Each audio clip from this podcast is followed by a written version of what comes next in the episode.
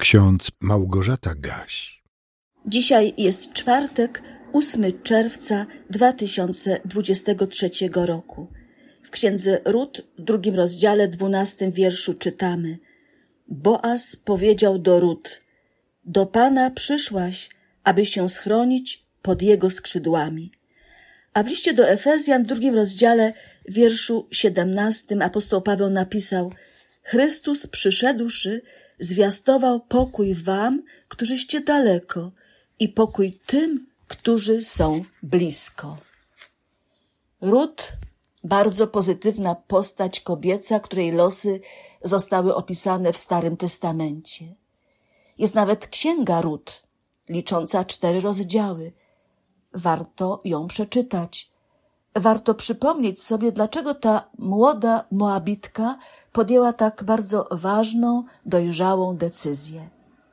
Opuściła swoją ojczyznę, opuściła swoją rodzinę i postanowiła towarzyszyć swojej teściowej Noemi, która po latach, będąc już wdową i po śmierci swoich dwóch dorosłych synów, postanowiła wrócić do Betlejem. Być może pamiętamy, dlaczego wiele lat wcześniej Noemi ze swoim mężem Elimelechem i dwoma synami, Machlonem i Kilionem, musiała zostawić swój dom, cały swój dobytek w Betlejem i szukać ratunku w pobliskim Moabie. Przypomnę, powodem była straszna susza i głód. Bojąc się śmierci głodowej, przenieśli się do Moabu. Rut nie musiała z powodu głodu opuszczać swojej ojczyzny. Ona nie chciała opuścić starej, zmęczonej życiem, bardzo doświadczonej Noemi, matki jej zmarłego męża. Powiedziała do Noemi, gdy ta zachęcała ją do pozostania w Moabie. Nie nalegaj na mnie, abym cię opuściła i odeszła od ciebie albowiem dokąd ty pójdziesz i ja pójdę. Gdzie ty zamieszkasz i ja zamieszkam. Lud twój, lud mój, a Bóg twój, Bóg mój. Gdzie ty umrzesz, tam i ja umrę i tam pochowana będę. Niech mi uczyni Pan cokolwiek zechce, a jednak tylko śmierć odłączy mnie od Ciebie. Gdy obie kobiety dotarły do Betlejem na początku żniewa jęczmiennego, jak czytamy w Biblii, Rut zadała sobie wiele trudu, by zrobić zapasy na zimę, by te dwie kobiety miały dostateczną ilość mąki i mogły z niej upiec chleb.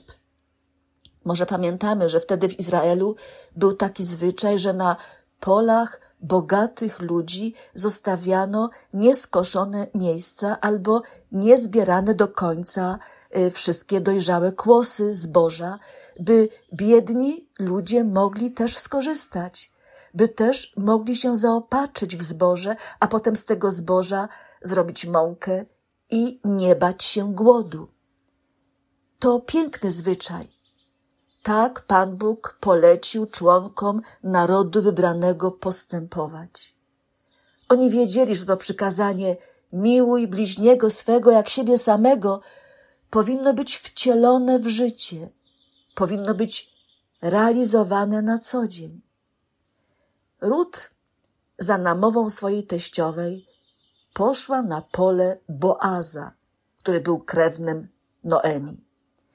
Gdy Boaz zobaczył młodą, obcą kobietę na swoim polu, zasięgnął języka i dowiedział się, że jest to Moabitka, która nie chciała opuścić swojej teściowej, że jest tak bardzo troskliwa, zapobiegliwa, pracowita.